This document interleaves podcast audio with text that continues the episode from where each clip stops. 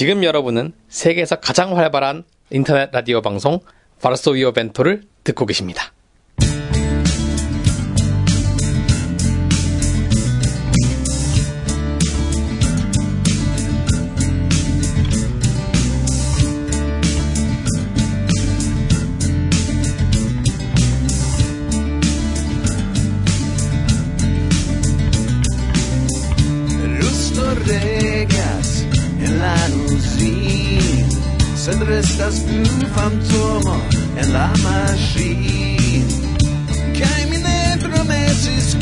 Music for Sweet.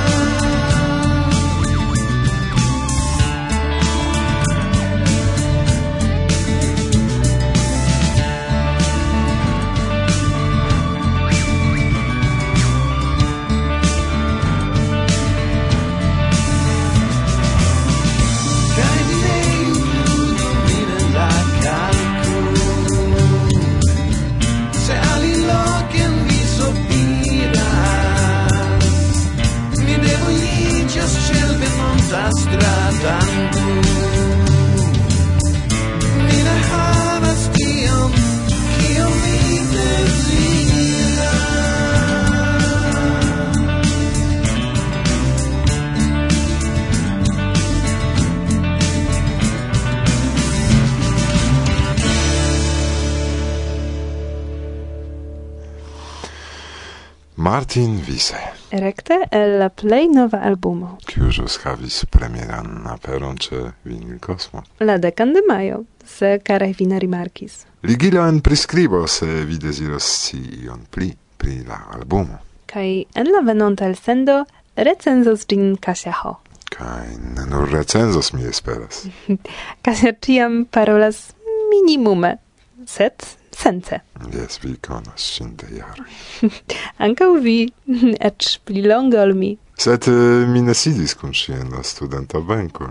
Mm, sed ofte ŝi prepariĝis ĉe vi sur la fotelo al ekzamenoj. Mm, yes, nordo. E, konas ŝin do ni ambaŭ sufiĉe bone. Mm, kaj kia nova en la ĝardeno? Kiam malfermo de la somera periodo? Ah, oh, ciam al proximigios somero, simple, non la vetero estas tro caprica, cae la vesperoi tro malvarmai por vere giui la rencontigion tie inter plantoi, cae organizi cradrostadon extere. Sed eh, antau ol venos tiu tempo, mi shatus pardon peti auscultantaron, eble. Pro cio? E la pasinta el sendo, mi presentis canton, ciu plei ec placis al mi dum la canto parado, Mi mixis nomojn simple. Anstataŭ Sofia mi diris Ŝani. Mi memoras vin tiam. Oh, vi aspektis ege laca. Mm, jes, laca mi estis kiel ĉiam. Tiu tempo vespere, sed eh, eble pro peco de Ŝane kun la sorti, kiu tiam estis prezentita, simple mi eraris. No, la unuan fojon vi audis tiun pecon. Jes, sed... Pardonu, karaj, ne ŝane mi prezentiset Sofia kun eh, Flavio. Mm, tamen en la prescribo mi vidas, ke estas korekte. Pro la prescribo, ĝuste mi rimarkis la eraron, sed la elsendo jam estis registrita kaj en la reto. Ne gravas. Mm, la duan fojon ja vi ne eraros. Mm, sendube. Eble eĉ mi rencontigios mikrofone kun si, kun Sofia. Ĉu? Jes, amico el Koreio demandis shin, ĉu si ŝatus renkontiĝi mikrofone kun Varsovia Vento kaj responde mi eksciis ke kial ne. Eh? Mm, bonega informo. Do eble baldaŭ baldaŭ. Certe ne plu raz pri ŝia nomo. Certe. kaj de alia flanko mi aŭdis, ke vi deziras partopreni Esperantajn tagojn de Krakovo. Mm, jes, kaj ne dubu, Dume mi vizitas nian plej ŝatatan restauracion por tagmanĝi. Mm, Himeran. Yes. Mm, mi bedaŭras, ke mi ne povos veni. Do alian fojon. Jes, certe. Krakowon oni ne planas transloki, no jest cio. Vi venas tie simple ripozi au estas ancora alia celo? Do oni invitis min al la programo kaj imagu ke denove mi parolos ne nur pri Varsovia vento, sed ankaŭ pri plantoj. Ah, mi estus mirita se pri plantoj vi ne dezirus paroli. Bona. Invito ni auscultanto in al nia programo mm, pri Esperanto tago in Krakovo mi parolas kiam mi revenos el la evento al kiu ankaŭ vin sincere mi invitas ĉar Krakovo printempe estas eksterordinare bela kaj krakovaj esperantistoj estas en ordo. Hmm, yes. Ion pri tio mi scias. Mi amas Krakovon. Mm, mi imagu. Nu bone, Invitu ni auscultantoin. Do, cara, iam malfrue pro longa periodo de la maiai festoi en Polando, calcae havis nau tagoin. Mm, sed tamen... Ni invitas vin alla centsesdec sesa, al sendo de... Varsovia vento. Cae in nome de la tuta redakcio, ni desiras al vi... Agrablan auscultadon. Bla, bla. Bla.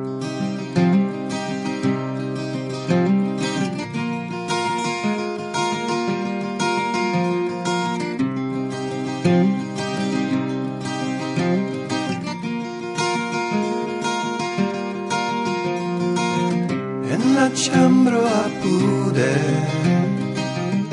Ie dormas vino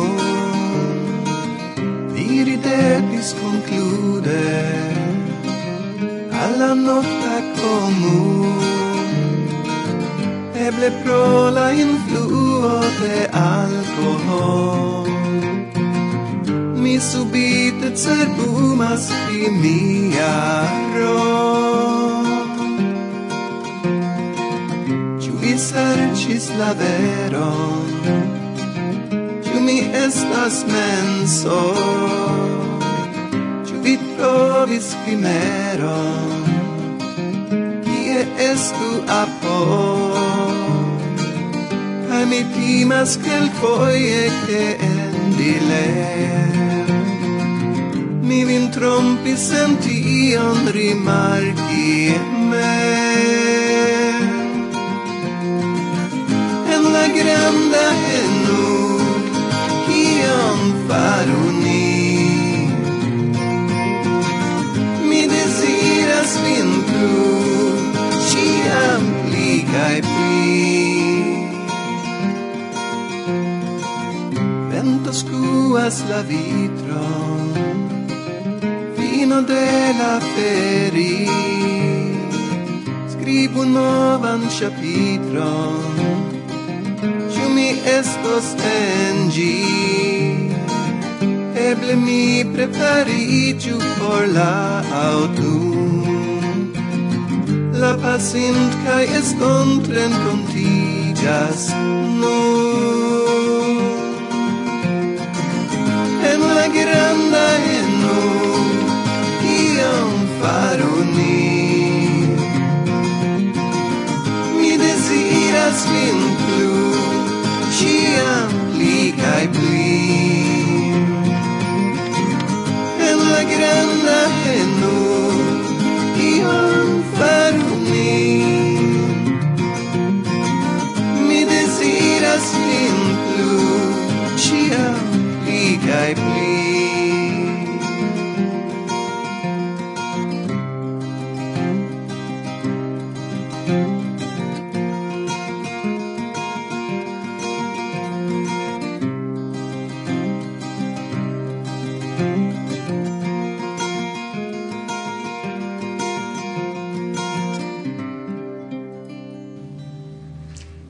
Hetairoi, kai ni poetoi fratas.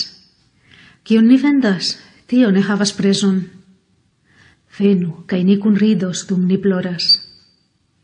Manuel Machado. Al Griselidis real, verkistino, pentiristino, kai putino. Mi putinas. Mi adoras la tusion de sia haŭto kiam ŝi kisas min, kaj la markon de siaj ruĝoj sur miaj vangoj. Fumadas la kafoj de ni menditaj. Kiel ĉiam, mi demandas ŝin kiam ŝi venos vivi kun mi al la paralela universo kie ŝi reĝinos. Ne zorgu, cara, ŝi diras, ni virinoj estas lagartistoj de la mondo. Iam ni ĉiuj venos al konsento cae viroi ne nascigios. Lantaca fumo, amicinoi, vespero, suno, plazzo. Subite si levigas glatigante al silaiupon, ciam insinuas sin la rigardoi cae la nocto trans la anso de la tasoi. Ciu vi iras labori? Mi ne laboras, mi surprovigas lubricilojn cae condomoin. Si ridetas al mi cun tia amara subgesto, quia tiom doloras. Si foriras levante la mano nadiaue, lasas inter la tabloi, qui sin ricartas, la acidan odoron de qui iugia sin donon kiel pecon. Si ne laboras, mi pensas, dum mi perceptas sian ricardon en la retrospegulo de la pudruio, dum si tualetas. Mi sias che si vidas miain colerlarmoin pro tiu paralela universo cium mi proponas al si ce ciu cafo, cie eble si estus l'amicino del getairo. Morgau, tui post vecigio mi voco sin, si al mi diros. Cio iris bone, ne sorgu poetino, vercu plue. Citie, cio iris bone mi sputas, si sputas, ni sputas.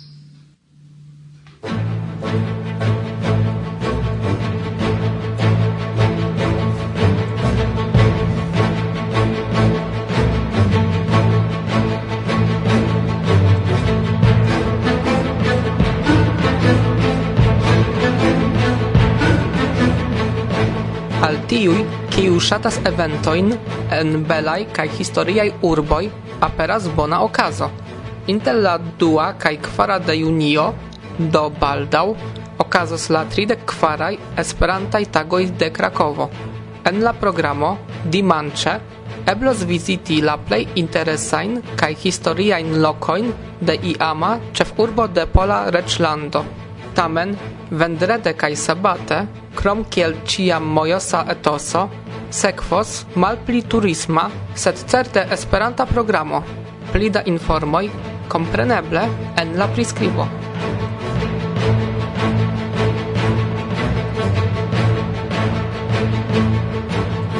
En la reto rimarkindas sekva loko, en kiu oni povas ĝui literaturon. Libroi.org estas socia reto por paroli pri libroj en Esperanto oni povas spuri sian legadon, komenti, recenzi kaj babili kun aliaj esperantistoj. La retejo proponas pli da ebloj inter alie sekvon de legemuloj el aliaj komunumoj aŭ kunhavigon de sia lega agado al aliaj fratecaj servoj. La celo de libroj.org estas krei komunumon por esperantistoj, kiuj interesiĝas pri libroj en kaj ne nur en Esperanto. Ligilo kompreneble en la priskribo. En la reto oni povas trovi sekvan retejon pri libroj, en kiu prezentataj estas verkoj de la pola sciencfikcisto Stanisław Lem. Konata en Esperantujo antaŭ ĉio pro Esperantigo de Solaris, kompreneble li verkis multe pli kaj parton de liaj libroj en Esperanto kompreneble vi trovos post elekto de konforma ligilo en la priskribo de aktualaĵoj. Sed turnu atenton post aklako de ronda signo post la paĝa titolo Libro vorto vi ekvidos. Saluton! Mi estas artefarita intelekto, kiu estas trejnita por respondi demandoin en la Esperanto lingvo. Ĉu mi povas helpi vin per io ajn? Ŝajne pli multe jam mi ne devas klarigi. Klaku, legu verkojn de Stanisław Lem kaj se ankoraŭ vi trovos tempon, ĝuu babiladon kun artefarita intelekto. La estraro de Tejo anoncas finfine, ke la Ogdeka Internacia Junulara Kongreso IOKO en 2024 okazos en Świętoje en Litovio. Świętoje estas malgranda, sed tre charma nord-occidenta litova urbo, tui apud la Balta Maro kaj sufice proksime al la landlimo kun Latvio. Maro, suno kaj somero klarigas cion, kaj respondas al ĉefa demando Kion fari post fino de la oficiala kongresa programo? Plida informoj en la priskribo. Al pli kaj pli riĉa elekto, kion aŭskulti pli post la plej nova elsendo de Varsovia Vento, aliĝis podcasto de Martin, nome Umado kun Martin. En kelkaj komencaj epizodoj oni povas sekvi renkontiĝojn de Martin kun diversaj amikoj dum natura konversacio, babilanta pri diversaj temoj ekde hazardaĵoj ĝis filozofio. Kaj ni, ŝajne unusolaj el inter la podcastaj redakcioj, ciam subtenas tiun noblan agadon do karaj, nun krom ligilo en maldekstra menuo kie estas listigo de diversajn radiostacioj kaj podcastoj, ligilon al Martin Umado vi trovos ankaŭ en la priskribo. Martin, ne pensu, ke ni ne aŭskultis vian babiladon kun Andi. Ni atendas vian novan epizodon.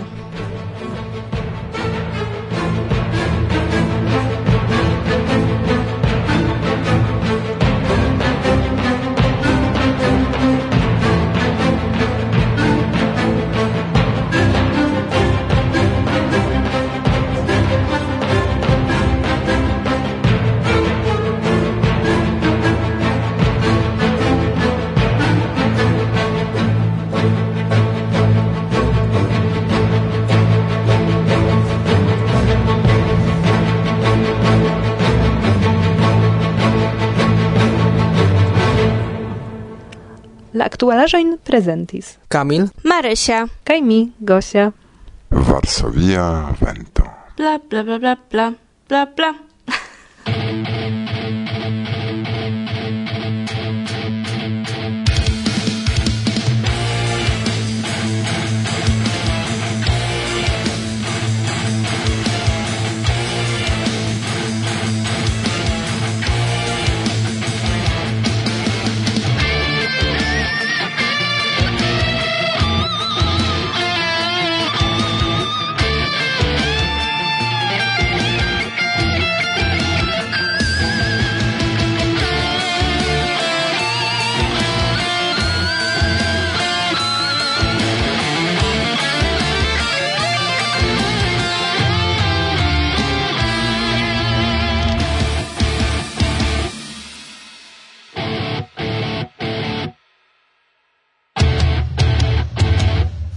tri, kontrolo mm. de mikrofono. Minuto tri. Eh, dum la lasta el sendoj kelkfoje mi iom rakontis pri tiu reta evento kies cele estas sciigi pri la muzika kulturo de nia movado forme de concurso pri la plei furora canto el inter tiui kiuj estis proponitai al la partoprenantoj. Tiuj, kiuj aŭskultis infidele, probable divenis iam che temas pri cantoparado.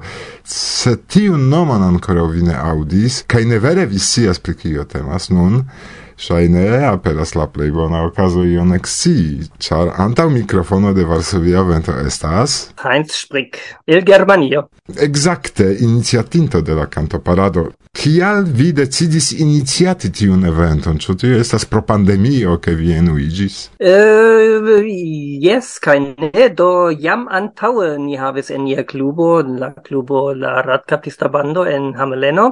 Mi demandis la klubanojn, do proponu vian plej ŝatatan kanton, kaj ni ludis ĝin dum iu klubvespero do compreneble post la comenzo de la pandemio mi ancau shatus fari tion en la reto. Kai kial? Char mi kiel infano kai junulo iam rigardis en la televidilo tiun faman hit parade en la ZDF, en la dua germana televido. Mm kun Dieter Thomas Heck eble kelka germanoj konas lin kaj mi ĉiam pensas ke tio estis interesa sendo kaj oni ankaŭ povis voĉdoni post por la plej ŝatata kanto kaj mi ŝatus Esperanto muzikon kaj mi pensas ke ekzistas multaj tre belaj tre bonaj Esperanto muzikistoj mi ankaŭ ŝatus aŭdigi tiun muzikon kai dividi ilin con multae aliai, kai ancau estes tiu ja iom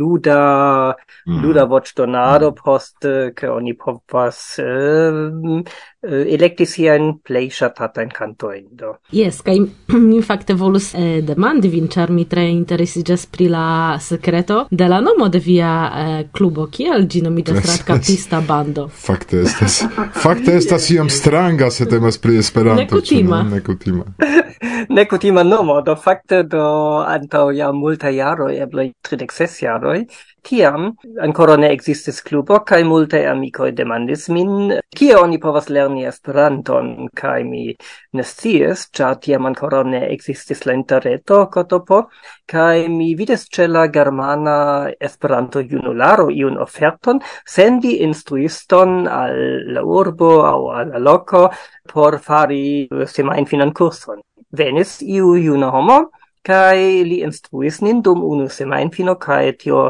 fakte estas la ekesto de nia klubo, char nia vilaĝo en kiu okazas la kurso estas sufiĉe proksima al la urbo Hameleno, en kiu ludas la legendo pri la ratkapisto, Mm. Uh, li nomis lin, oh, yes, vi estas ja la ratcapista bando, Kotopo, kaj pro tio, ekde tio tempo, ni trovis jam nian nomon. Mm. Ah, estas tre bele. Cial comence ni pensis, che vi traktas esperantistojn ki ratoin, kaj vi captas sinin.